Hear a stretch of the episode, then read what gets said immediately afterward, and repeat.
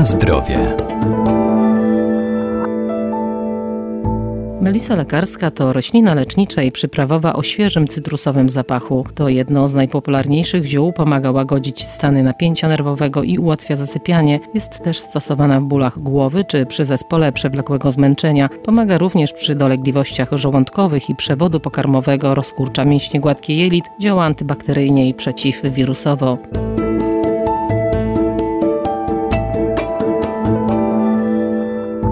Melisa lekarska to roślina z rodziny jasnotowatych. Ma właściwości lecznicze i przyprawowe. Surowcem zielarskim są jej świeże lub wysuszone liście, które zawierają substancje lecznicze takie jak olejek eteryczny, flawonoidy, gorycze, sole mineralne oraz witamina C. Wywary z melisy można stosować także zewnętrznie. Już sama nazwa wskazuje, że jest to zioło niepospolite, zioło szczególne, Skoro w nazwie ma ten dodatek officinalis, to znaczy, że ma też ugruntowaną pozycję jako lek. Doktor ogrodnictwa Arkadiusz Iwaniuk. I rzeczywiście melisa jest lekiem stosowanym do dzisiaj. Jest lekiem właśnie szczególnym. Dlaczego? Ponieważ stosowana jest na uspokojenie, na ukojenie nerwów. Wiemy, że znaczna część ziół południowych są to gatunki działające na nasz układ pokarmowy. Owszem, melisa też ma takie działanie, a więc w jakiś sposób nadaje nadaje się do poprawienia trawienia, wzmaga apetyt, ogólnie rzecz biorąc korzystnie wpływa na pracę układu pokarmowego,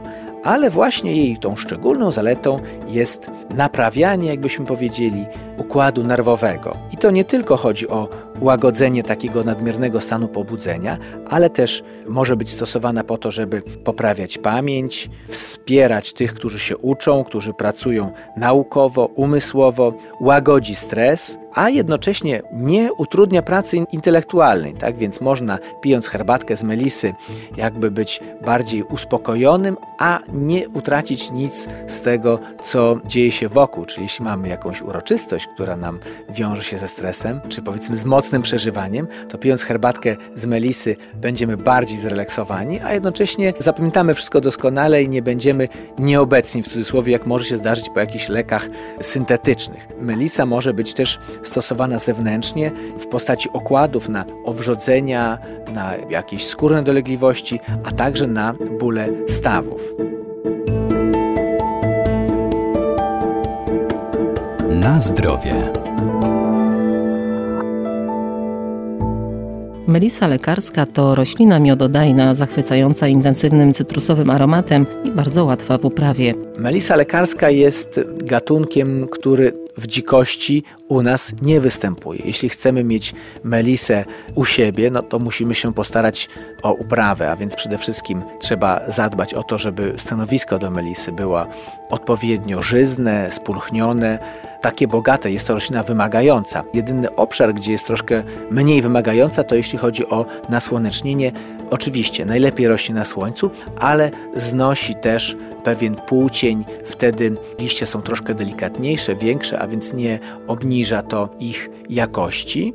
Zbieramy liście czy całe pędy, górną część pędów tuż przed kwitnieniem, wtedy kiedy jest najbogatsza w te składniki e, lecznicze, kojące witaminy w mikroelementy. Suszymy i potem można stosować to oczywiście w postaci herbatek, odwarów, a jeśli ktoś zechce, może też postarać się o taką nalewkę wykonaną na białym winie, jakbyśmy powiedzieli, czyli 50 gram e, suszu melisy zalewa się litrem białego wina, odstawia na przynajmniej dwie doby i później mamy takie lekarstwo już jakościowo dużo lepsze. Wiadomo, alkohol rozpuszcza niektóre składniki, które w wodzie się gorzej rozpuszczają, więc taka nalewka jest na pewno bogatsza w składniki biologicznie czynne. I na koniec jeszcze taka ciekawostka, jeśli chodzi o melisę. Otóż nazywana bywała w dawnej Polsce rojnikiem, nazwa nawiązująca do rojenia się pszczół. Otóż miała specyficzne właściwości. Jeśli pszczelarz natarł sobie dłonie sokiem z melisy,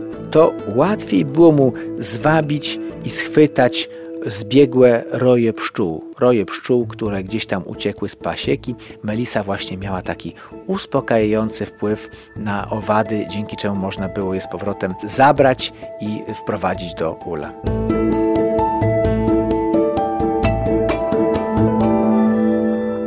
Melisa lekarska to także składnik ziołowych mieszanek wykorzystywanych do tonizujących kąpieli oraz w kosmetykach do przetłuszczającej się cery i włosów.